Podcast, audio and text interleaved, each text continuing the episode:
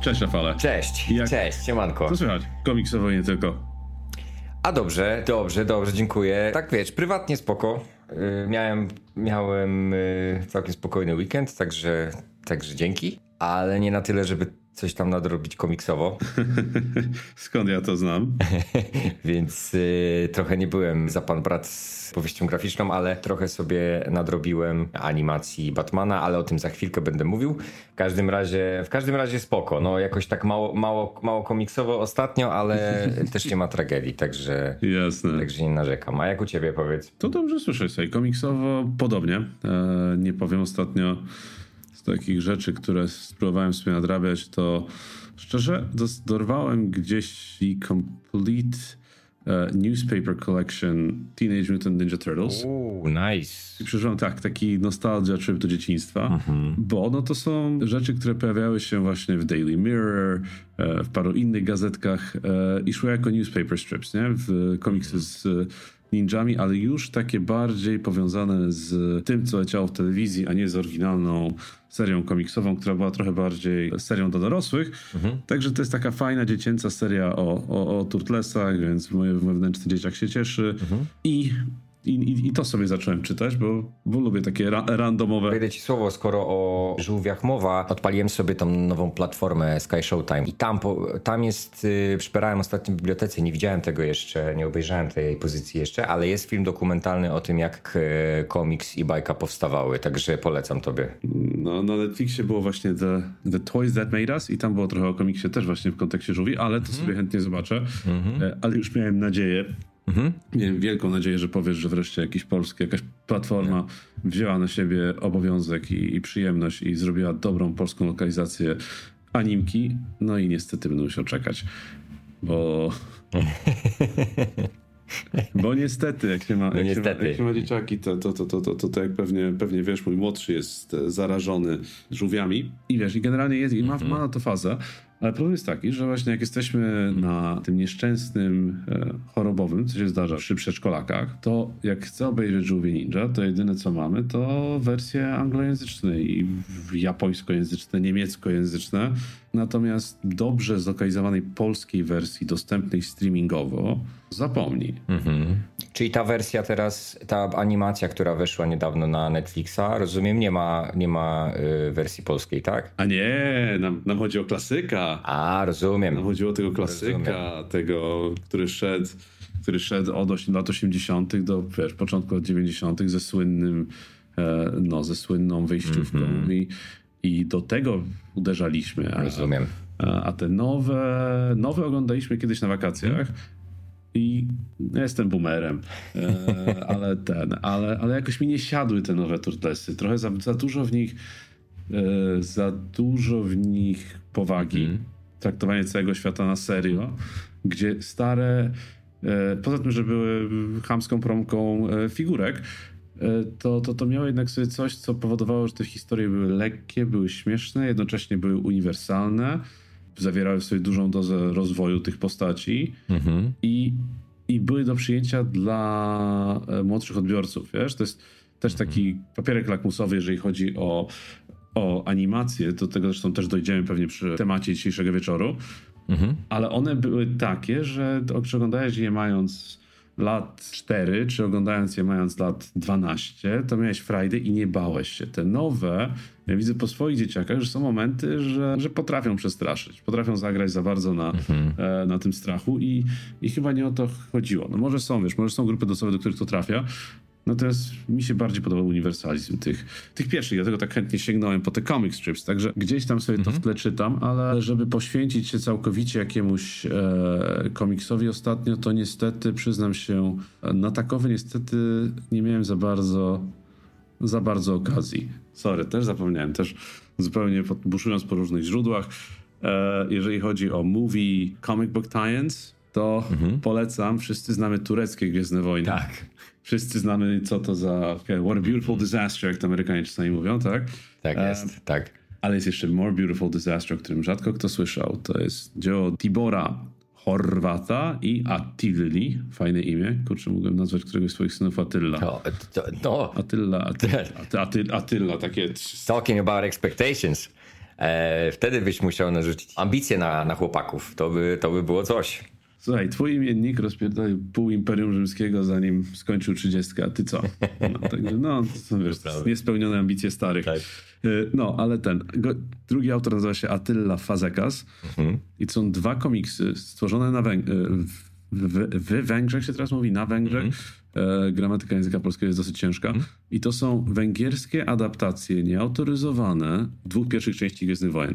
Co ty mówisz? Ponieważ są nieautoryzowane, nie są marvelowskie, więc e, nie idą przez sito wtedy ówczesnego właśnie Stana Lee, bo Marvel też robił oficjalne adaptacje mhm. komiksowe Star tak. Warsów, tak. ale te są E, no prawie, że picture perfect e, kopiami kadrów z filmu, mhm. E, dlatego są nieautoryzowane. I mhm. zupełnie przypadkiem kiedyś na nie natrafiłem, bo zobaczyłem, zobaczyłem fazeka z Star Wars i mówię, co to może być? No jest Star mhm. Wars manga, która też jest fajnie narysowana, ale fazekasa Star Warsów nigdy nie zobaczyłem. No i jak skoczyłem w dół tego, tej króliczej nory, to, to, to, to właśnie skończyłem przeglądając te komiksy, więc mhm. to są ale mówię, to jest e, dla, dla kogoś, kto, to, kto miał przyjemność oglądać e, Nową Nadzieję i Imperium kontratakuje, to, to, to, to są kadr w kadr te filmy bez żadnych jakby dodatków.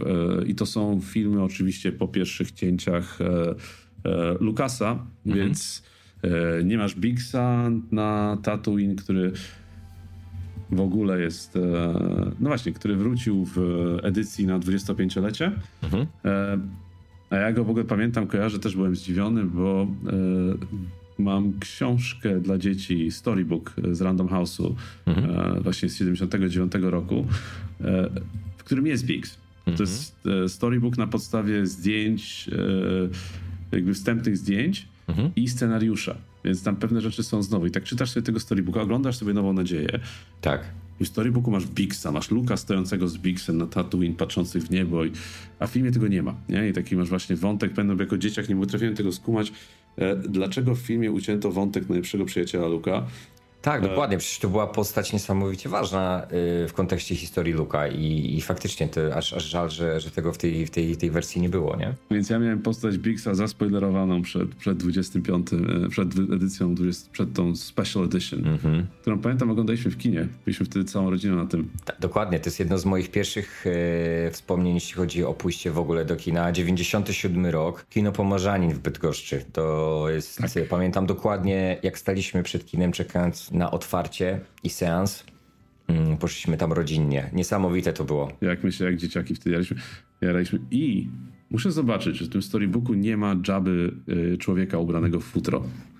Bo to aż mnie korci, tylko musiałbym... Tak, w, przecież w pierwotnej wersji tak, y, przecież to był... E, to był człowiek, nie? To nie był, to nie był żaden robal. Tak, tak, to był te... Nie, to był, to był człowiek, który... E, który z Hanem, e, któremu Han był dłużny kasę. Tak, to tak. już akurat też, też się zgadza. zgadza. Ale... Po prostu kwestia, kwestia tego, jaką postacią był, nie? W sensie, jaką, jakiej rasy postacią był. I trochę się tam pozmieniało. Ja pamiętam też a propos, a propos tej e, wersji mm, Anniversary, jak poszliśmy do kina, ja nie za, nie za wiele wiedziałem na temat Star Warsów i pamiętam, że taki dysonans odczułem w momencie, kiedy mhm. film się skończył i on się nie skończył tak naprawdę. Ta historia jakby nie miała zakończenia. I ja mówię, co tu jest grane w ogóle, nie? Mhm. Wtedy miałem, wtedy miałem z 10 lat i, i mówię, kurczę, co, ktoś mnie oszukał. A potem się okazało, że, że tam jest, że to, że to ma sens e, w większym planie. No ja pamiętam, dla mnie takim szokiem było właśnie e, odkrycie że zaczynamy od epizodu czwartego tak. i dopiero, dopiero praktycznie od niedawna mamy no właśnie, jak to się pięknie zmienia.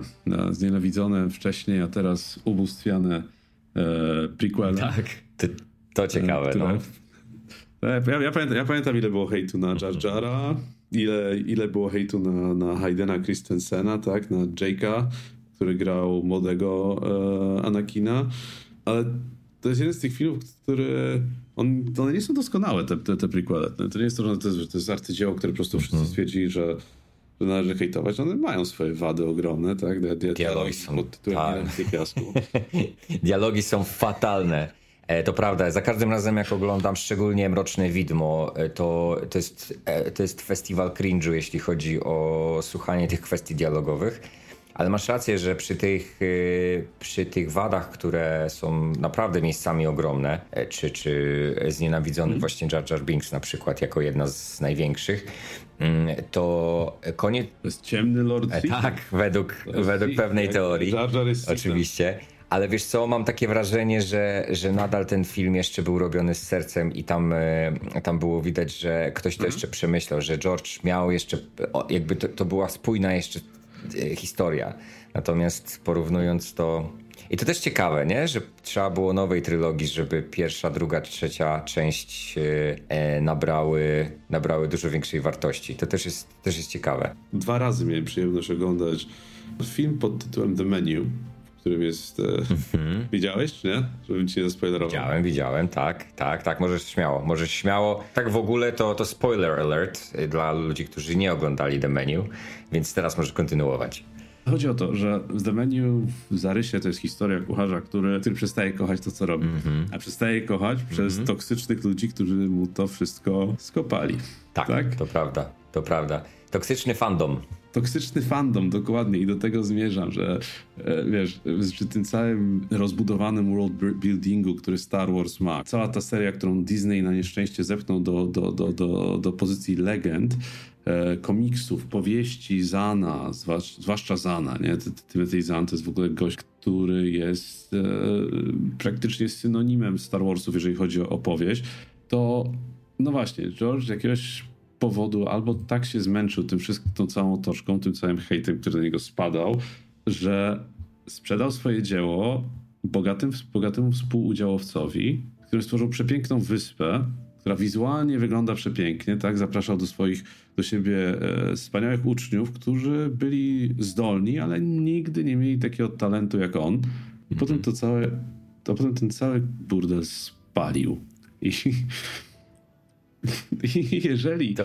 jeżeli The Menu to nie jest historia Gwiezdnych Wojen i George'a Lucasa, to będę bardzo, bardzo zawiedziony, bo to pasuje jak ulał. A plus stwarza możliwości sequelu, bo są pewne rzeczy, które wyszły, nadal wychodzą dobrze Star Warsom.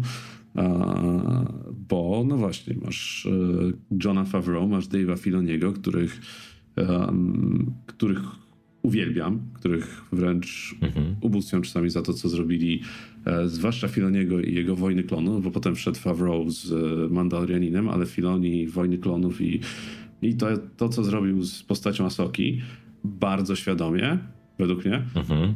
Mhm. To, to, to daje potencjalny sequel do Menu 2, ale... No już z innymi bohaterami, mówmy się, nie? Tak, tak. Din Djarin, który jest genialnie zrobiony, e, który jest Boba Fettem, którym powinien być Boba Fett masz e, no Andora, który to, to, to najlepszy film długometrażowy Star Wars ostatnich 15 lat to nie jest cały film z głównej serii Star Wars, to jest Rogue One. To prawda. I przyjmuję inne opinie, ale moim zdaniem e, lepiej zrobionego filmu ze Star Wars, bardziej trzymającego się kupy, bardziej emocjonującego i do tego bardziej trzymającego napięcie, no nie masz. No, oglądasz sobie e, no, ten pierwszy The Force Awakens, tak, pierwszą część nowej sequeli i wszystko jest fajne wizualnie i, i fajnie zagra, podane na tacy, wiesz, takim ludziom jak my, że o, patrz, jest nowa Gwiazda Śmierci, tylko inna trochę. Mhm. O, jest Soku Millennium, a ma trochę inną tą, ma trochę inną antenę.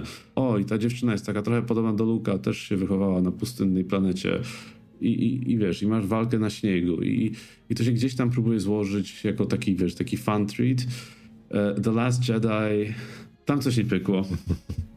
najzwyczajniej w świecie, tam coś ewidentnie nie pykło i wiem, że mój, mój, mój, mój, kochany starszy syn będzie tego słuchał i będzie się ze mną potem kłócił o to, że jednak to pykło. Może wiesz, może, może też jakby dla mnie z moim doświadczeniem i z moją, moim pewnym, e, z moją pewną wrażliwością pyka to trochę inaczej niż dla, dla młodszego, ale, ale dla mnie tam coś niestety nie pykło. No i The Rise of Skywalker mhm można było to trochę inaczej prowadzić. Ja nie mówię, że to są, znowu, nie mówię, że to są fatalne filmy e, w jakimkolwiek wydaniu, natomiast no nie są to moje. Ja się nie boję powiedzieć tego, Marcin, nie, nie boję się powiedzieć tego, że e, ostatnia część tej trylogii była fatalna. Ja wyszedłem z kina zmęczony, zmęczony, nie wiedziałem co ja obejrzałem tak naprawdę. Obejrzałem ten film raz w życiu i nie mam zamiaru wracać do niego, naprawdę dla mnie jest to bardzo zły film. I tyle, nie będę przepraszał. To jest niestety, niestety zła kinematografia. I zły storytelling tak naprawdę, bo tam naprawdę ni, oni nie mieli pomysłu na to, co tam się dzieje. I, i jest już takie potworki w stylu Palpa, Palpatina. Aż mi się nie chce nawet wspominać o, bo to aż wreszcie rzeczy, rzeczy oczywiste, nie? No ale, ale... Ale wiesz, no. ale, ale, ale, ale taki powrót Palpatina można było zmajstrować całkiem, no przecież y, całkiem logicznie i całkiem, całkiem mocno i to, i to jest nawet kanoniczne w rozumieniu e, dawnego kanonu Star Warsu, że, że Palpatine też gdzieś tam powrócił i dlatego właśnie trzeba doceniać takie rzeczy jak Batman The Animated Series, nie? O. Bo, bo to są rzeczy z początków i to są rzeczy, które są spójne same w sobie, które nie potrzebują żadnego rozwinięcia, spin-offów, prequeli, sequeli i innych pierdół, tylko żyją swoim, swoją treścią, tworzą pewien, stanowią pewnego rodzaju e, symbol kulturowy epoki, w którym powstały przecież, no bo stary, no ja The Batman The Animated Series to ja z wypiekami oglądałem jako dzieciak, tak. to zarówno po tej, jak i po drugiej stronie oceanu. Mm -hmm. Miałem ten przywilej, czy miałem te, te, to szczęście, że, że mogłem oryginalnie go oglądać. Pamiętam, kochałem Jokera, którego potem, który potem się okazał też wtedy, wiesz, wtedy, początek lat 90., to, to też nie, nie, nie, sprawdzałeś, kto gra kogo, tylko wiesz, o, Joker brzmi świetnie, pan, świetnie w tej, w tym, oryginalnej wersji.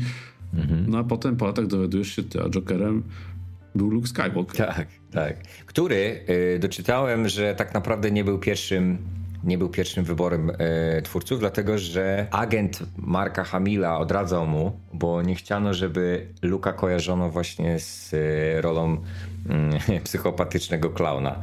Więc to jako ciekawostka. Takich doborów ról poza, e, poza typecastingiem aktorów, to, to można by o tym książkę pisać, gdzie genialni e, aktorzy grają poza swoim jakby, e, poza swoim typem.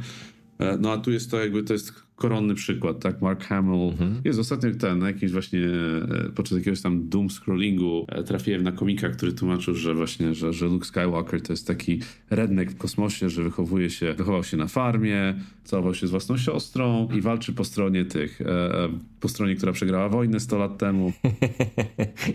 Generalnie go, Dobre. gość ujął w punkcie. I ma, i, ma, I ma flagę Konfederacji w pokoju. No, nie zdziwiłbym się.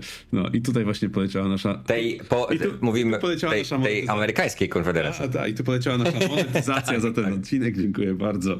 E, także nie, śmiech na sali, ale wiesz, ale, ale, ale Hamil grający w kwintesencję dobrego, naiwnego bohatera, który stał się najbardziej przebiegłym agentem chaosu w jednej z najlepszych e, serii animowanych e, do tej pory wyprodukowanych, no to, to, to, to, już, to już coś mówi o, o, o zakresie, warsztacie tego gościa jako aktora, e, tak. który nie został nigdy do końca spełniony, co tak trochę mi jako widzowi jest tego cholernie żal, bo, bo, bo chciałbym Kamila zobaczyć w rolach, które, e, które gdzieś tam trafiają pomiędzy tymi dwiema e, ekstremalnymi wydaniami na, spek- na tym spektrum aktorskim. Wiesz, mm. naiwny chłopiec z farmy, który, który zostaje bohaterem wojennym i potem właśnie agentem, agentem, czynnikiem chaosu, praktycznie podmiotem chaosu, a nie tam agentem. Sam jest chaosem w tym tak. filmie e, i jest genialnym chaosem. To Hamil jest jednym z... Jeżeli miałbym kojarzyć teraz, zamknąć oczy i pos... skojarzyć sobie Jokera, to, to, to, to, to, to, to, to Mark. To, to,